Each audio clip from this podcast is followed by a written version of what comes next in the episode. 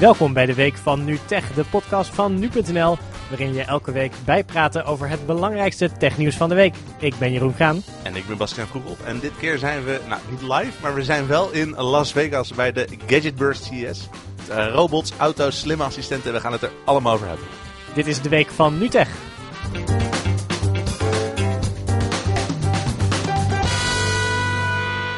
Misschien even heel snel voor de mensen die het niet weten. CES staat voor Consumer Electronics Show. Ja, en dat is de grootste gadgetbeurs ter wereld. Dus de, de Samsungs, de LG's, al die grote techbedrijven komen met z'n allen eens per jaar naar Las Vegas om te laten zien wat ze op het gebied van nou, televisies en heel veel simpele producten, maar ook qua robots en zo eigenlijk in het komende jaar willen gaan doen. Ja, en laten we dan maar met de hoogtepunten beginnen. Wat is het, uh, het meest indrukwekkende wat jij hier uh, deze week hebt gezien? Het meest indrukwekkende voor mij was, ik dacht dus eerst dat het een beetje een vage vaporware was, maar dat bleek er niet te zijn. Dat was de, ja, de nieuwe elektrische auto Byton.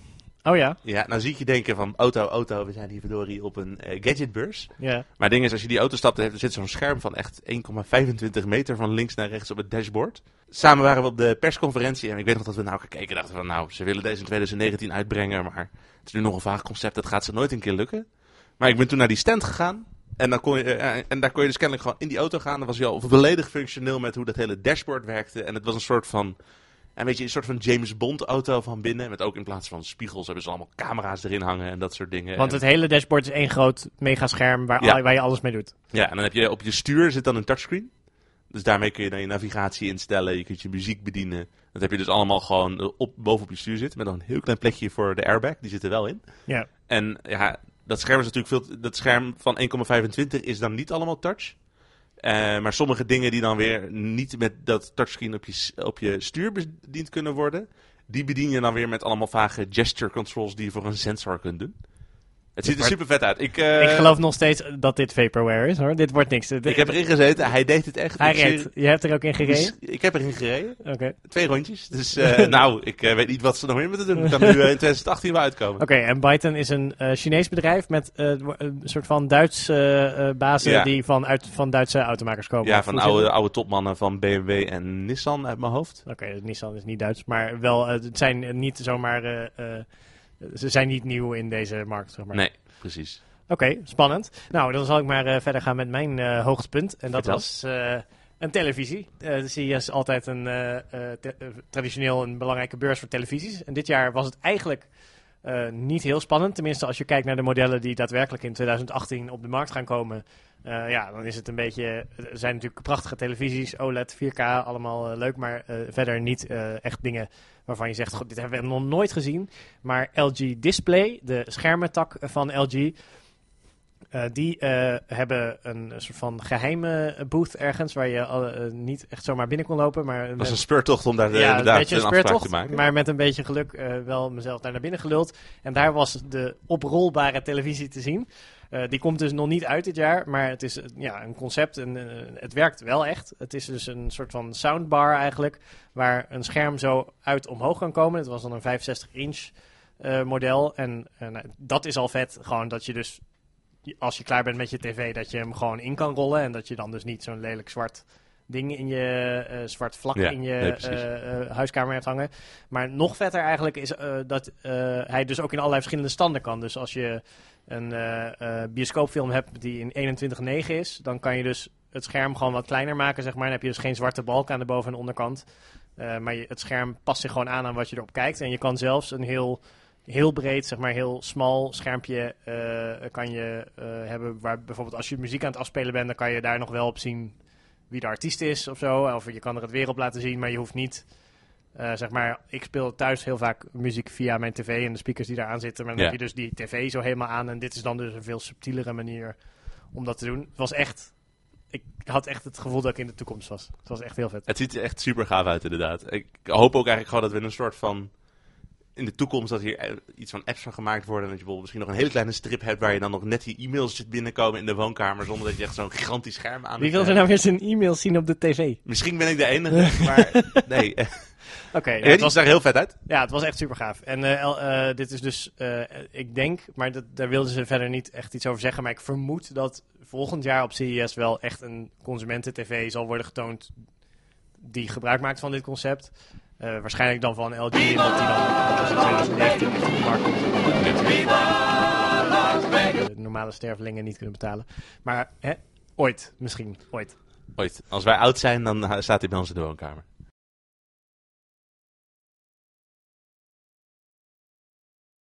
Wat eh, is jou verder nog opgevallen op deze beursbal? Zijn er nog trends die je hebt gespot? Eh, of andere bedrijven die in het oog zijn gesprongen? Nou, eh, ik had het net al over die Byton. En Ja. dat is dus één autopartij die er is. Maar het is echt opvallend hoeveel autobedrijven hier zijn. Alleen ook al met de keynotes. Dat is echt een Kia en een Toyota. En al die, allemaal van die ouderwetse autobedrijven zijn echt allemaal op CES.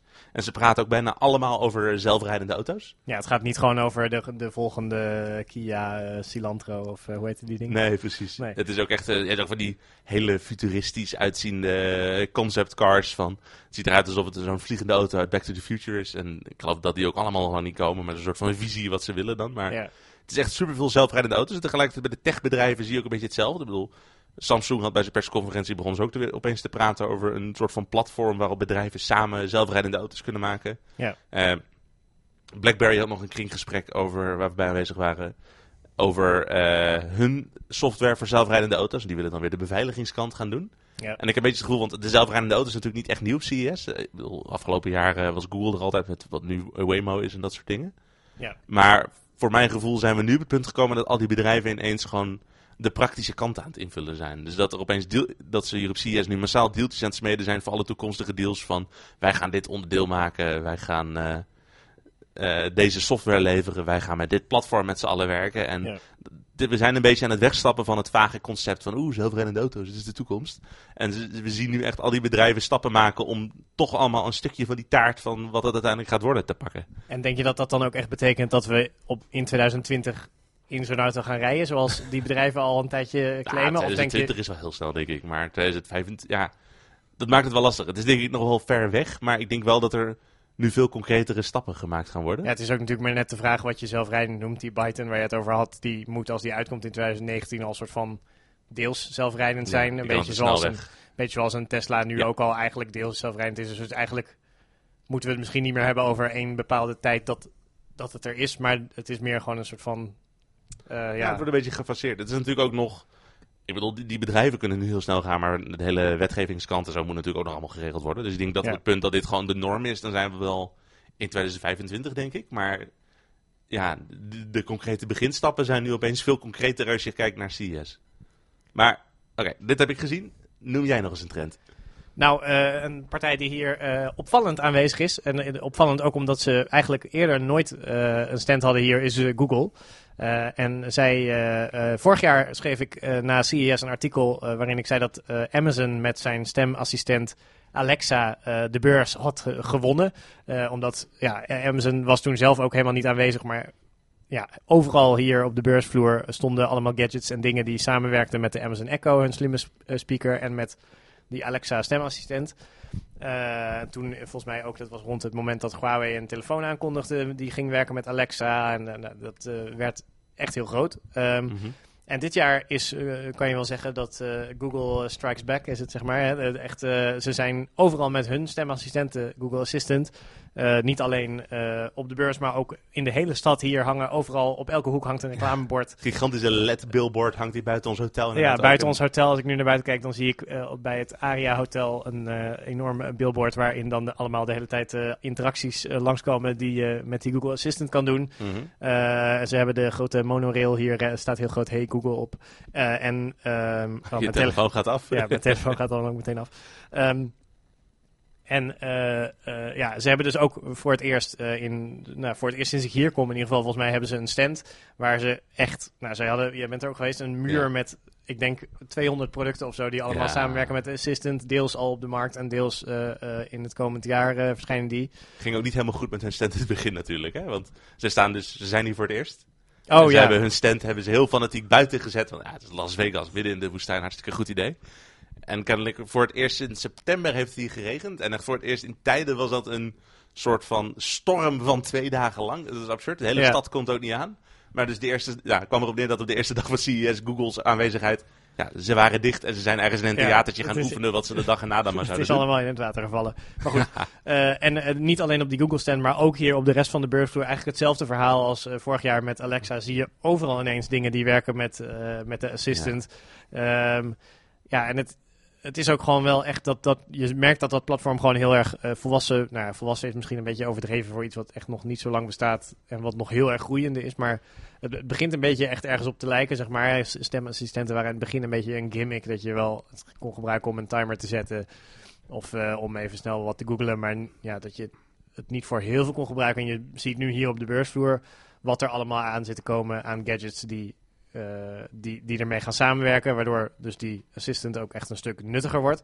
Moet ik wel zeggen dat je ook heel veel Prularia ziet waarvan ik denk, of nou niet eens per se Prularia, maar dat je een hele dure oven koopt die je dan kan voorverwarmen met de stem. Is zeg maar niet dat ik denk, daar ga ik extra voor betalen. Ja, dus ik, ik, kan, ik, als je echt heel hard gaat nadenken van oké, misschien sta ik met mijn handen in het deeg en kan ik niet bij de knoppen en wil ik niet mijn handen wassen. Maar dat is wel een heel erg eerste wereldprobleem dat je oplost door daar assistant in te stoppen. Ja, inderdaad. Eh, We hebben ook een douche gezien die je dan al aan Die kan lijkt me zetten. dan wel weer ja, jij wil dat op een of andere Ja, moet manier. je even voorstellen, lig je in bed eh, s ochtends, je bent nog niet helemaal wakker, je moet die douche, doet er altijd een minuutje over om voor te warmen. Dat je dan in bed zegt, hey Google, zet vast de douche aan en dat je dan langzaam je bed uit, beetje je pyjama en dat soort dingen uit. En dat je eronder gaat, dat eh, lijkt me perfect. Dat klinkt echt als eh, instant waterverspilling. maar goed, Eh, ja, dat, dat komt er dus allemaal aan. Veel van die gadgets zijn natuurlijk wel heel duur, maar we zien ook steeds meer goedkope smart home dingen die met al deze platformen werken. Dus dat wordt wel vet. En dan zijn er nog de smart displays. Eh, de, zo- de- zoals Amazon heeft al een, de Amazon Echo Show, een soort van slimme speaker, maar dan ook met een scherm daaraan. Dus als je dan vraagt wat het weer is, dan krijg je ook daarvan wat te zien.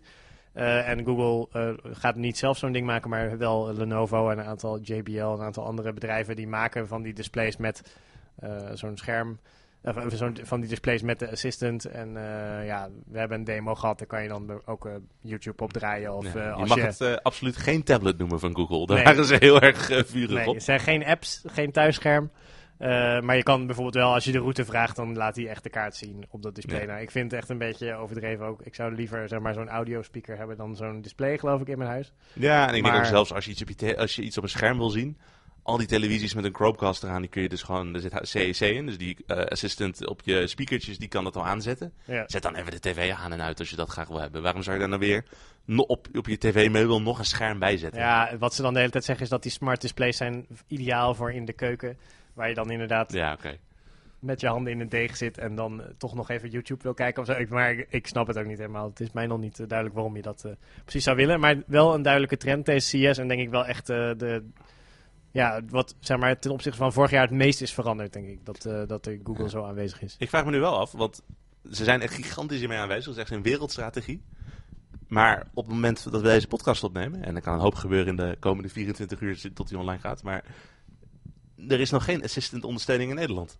Nee, nee, dat klopt. Hij spreekt nog altijd eh, alleen Engels. We weten dat ze werken aan een Nederlands vertaling bij Google, maar Ja. we weten niet eh, hoe lang dat nog gaat duren. En ondanks eh, herhaaldelijke vragen hebben we daar ook nog, eh, eh, ja, nog nooit antwoord op gekregen. Dus ja, dat is natuurlijk wel een belangrijke stap. Die Google Home, de slim speaker, kan je niet echt kopen in Nederland. Je kan, ja, je kan hem wel krijgen via Duitsland, maar nou ja, hij, wordt, hij ligt niet gewoon zo bij de Mediamarkt. Nee, je moet ook Engels of Duits dan tegen hem praten. Ja, dus, dus, eh, dat is wel eh, minder handig. De Amazon Echo kan je tegenwoordig wel in Nederland krijgen, gewoon van Amazon zelf. Maar hetzelfde verhaal, daar moet je ook Engels eh, dan tegen praten of Duits. Het is ook een hele uitgeklede versie waar je geloof ik niet Spotify op kan gebruiken. De ja, Echo. dus, eh, ja. het is inderdaad... eh, voor de meeste Nederlanders denk ik nog even wachten, tenzij je nu al zo enthousiast bent dat je denkt, ik ga gewoon, ik, ik stap over op het Engels.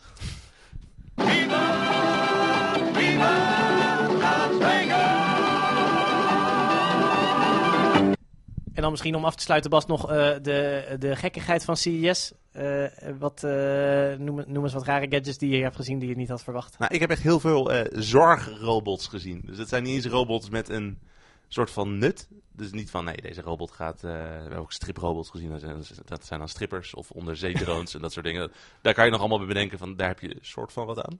Maar heel veel van die robots bijvoorbeeld een... een, een, een Striprobot heb je wel wat aan. ja, ja, ja, op zich. Als je ding is, eh, ja, ik, ik zal er niet tegen in.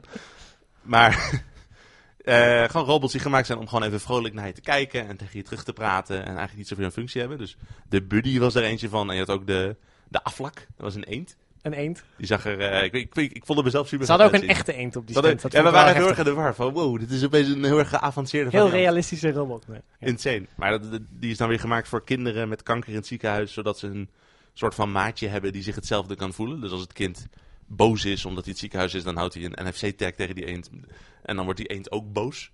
Als ze in de chemo zitten, kunnen ze ook een chemotag op die eend plakken. Dat is een beetje macaber bijna ook wel, maar... Ja, maar ook wel mooi dat eh, je kan je wel voorstellen. Nee, ik weet niet of je dat echt kan voorstellen, maar het is wel iets waar mogelijk die kinderen inderdaad dan wel echt iets aan Ja. hebben. Die misschien eh, ja, moeite hebben om het daarover te praten. Of, of, ja. Ja, zij richten zich echt op, eh, op het moment op Amerikaanse ziekenhuizen. Ze zijn nog aan het kijken in andere landen of, of ze daar misschien deals kunnen maken. Maar dus de ziekenhuizen krijgen dan echt die eenden. Dus die kunnen die dan aan die kinderen geven. Ja. Dus dan hoef je ook als ouder die te kopen.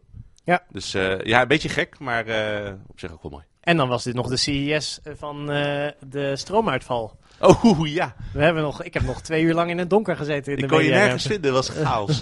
ja, ja, het had hier dus geregend in Las Vegas. En dat had ergens eh, in een kabel of een eh, transformatorhuisje iets eh,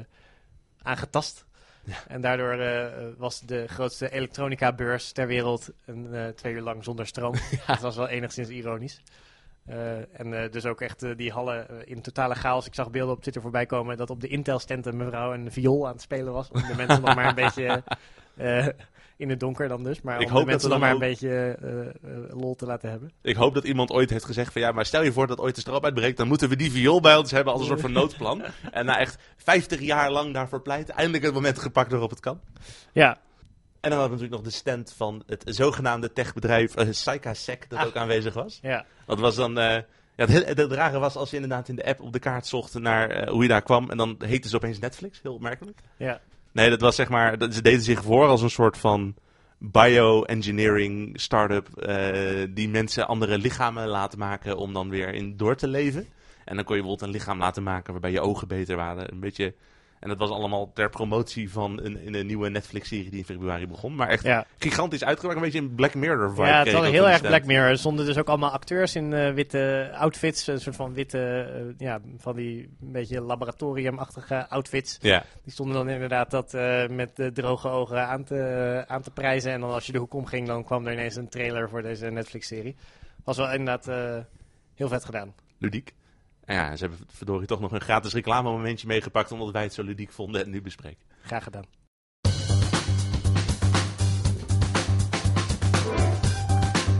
En dat was het weer voor deze week van Nu Tech. We horen graag wat je ervan vond. Je kan mailen naar tech.nu.nl of ons vinden op sociale media. En dit was mijn allerlaatste podcast, nu echt. We Ja. hadden eigenlijk al afscheid genomen in de podcast. Maar eh, dit was ook mijn laatste werkweek voor nu.nl hier in Las Vegas.